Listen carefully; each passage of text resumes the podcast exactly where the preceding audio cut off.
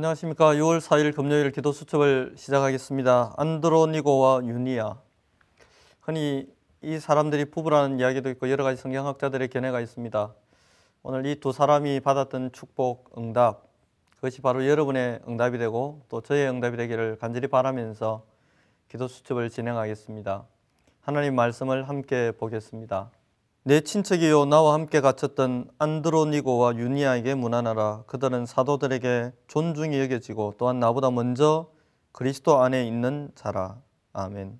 만약에 예수 믿는 것 하나 때문에 전 재산을 빼앗기고 고초와 어려움을 겪는다면 여러분 어떻게 하시겠습니까? 예수 믿는 것 하나 때문에 핍박과 멸시와 천대를 받는다면 여러분 또 어떻게 하시겠습니까? 초대교회는 늘상 이러한 어려움과 이러한 고통을 당하면서 지냈습니다. 이러한 어려움들을 초대교회는 어떻게 극복하고 또 어떻게 이겨낼 수 있었을까요? 이러한 부분들을 보고만 해서 정확하게 보고 이해하고 뛰어넘을 수 있는 은혜가 있기를 바랍니다. 첫 번째, 초대교회가 가진 힘입니다. 초대교회는 중요한 사실을 알고 있었습니다. 예수가 그리스도라는 사실이지요. 예수가 그리스도 되셔서 이미 인생의 근본 문제, 중요한 문제 완전히 해결하셨다는 사실을 알았습니다. 이들은 그리스도의 비밀을 알고 구원의 축복과 구원의 감격을 늘 누리고 살았습니다. 두 번째 이분들이 알았던 것이 무엇입니까? 하나님 나라의 비밀입니다. 하나님 나라의 비밀을 회복하면서 이분들에게 참된 기쁨과 감사가 넘쳤습니다. 세 번째 이분들이 알고 누렸던 비밀은 성령의 능력입니다. 하나님의 능력을 체험하면서 성령의 역사와 성령 충만함의 비밀을 이들은 체험하고 또 누리게 되었습니다. 이 일의 정인이 되는 은혜가 있으니 현장을 변화시킬 수밖에 없었고 현장을 변화시키는 역동적인 힘을 이들은 24시간 체험할 수 있었습니다. 하나님께서 예수를 그리스도로 보내셔서 이미 인생 모든 문제를 해결해 놓으셨습니다. 그것이 여러분에게 사실로 와닿는 은혜가 있기를 바랍니다.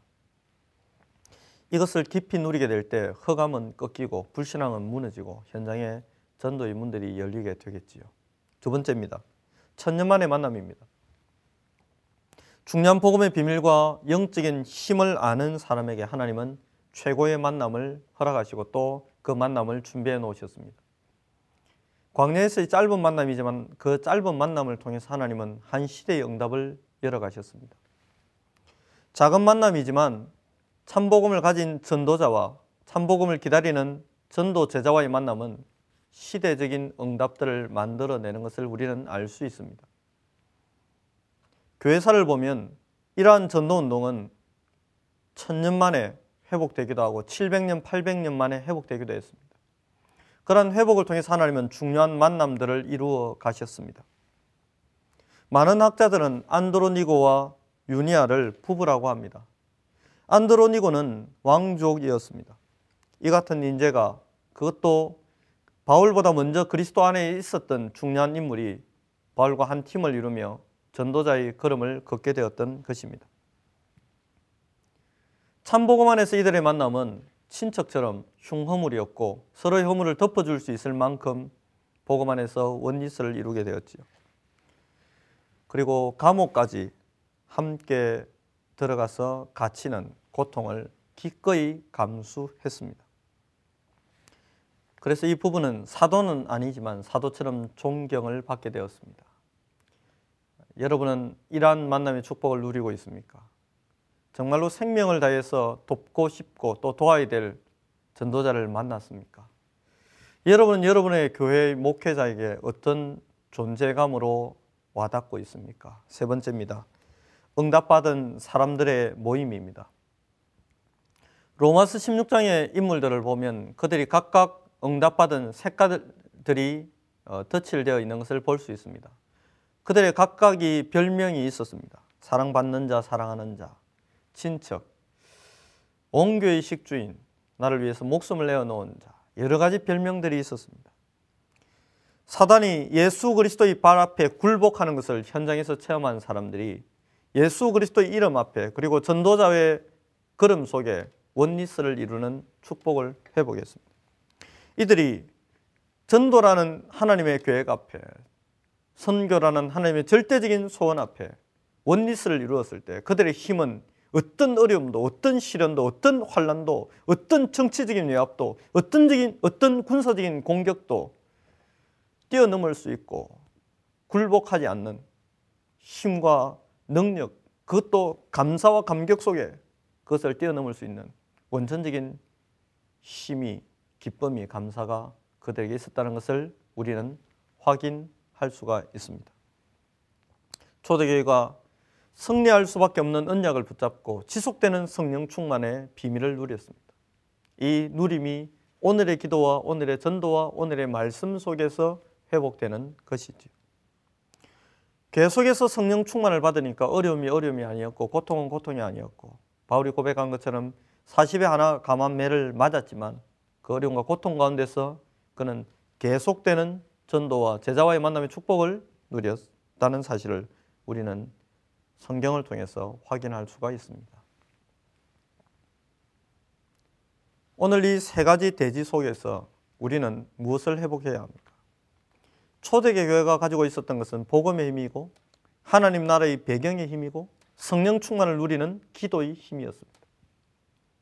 이러한 힘과 비밀을 누리고 있을 때 하나님은 숨겨진 아주 중요한 만남을 갖게 하셨습니다. 영세전에 준비해 놓은 만남, 창세전에 예비해 놓은 만남을 복음을 매개로 전도를 매개로 하나님은 준비해 놓으셨다는 사실을 우리는 확인할 수 있고 또 확인하고 있습니다. 이러한 사람들이 원리스를 이루게 될 때 어떤 현실적인 난관도 뚫고 나갈 수 있는 힘을 얻게 되겠죠. 전 세계에 있는 다락방 가족들이 하나가 되어서 성령 충만한 비밀 속으로 들어간다면 저와 여러분은 전국과 전 세계 RUTC를 세우는 그리하여 전 세계 전도운동을 일으키는 하나님의 절대적인 계획을 누리게 될 것입니다. 오늘의 포럼입니다.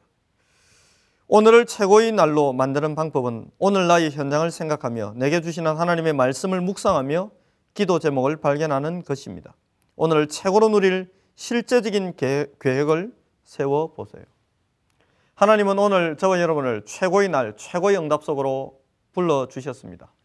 최고를 회복하는 비밀, 기도, 전도, 말씀.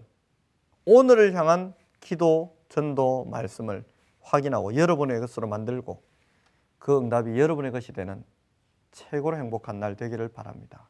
기도하겠습니다. 안드로 니고와 유니아에게 주셨던 이 응답들을 오늘 우리에게도 허락하셔서 참 전도자와 함께하는 참 행복을 참 전도자를 통해서 성취되는 하나님의 말씀과 참 전도자들이 해야 될 기도를 오늘 회복하는 은혜를 주옵소서. 감사드리며 살아계신 예수님의 이름으로 기도드립니다. 아멘.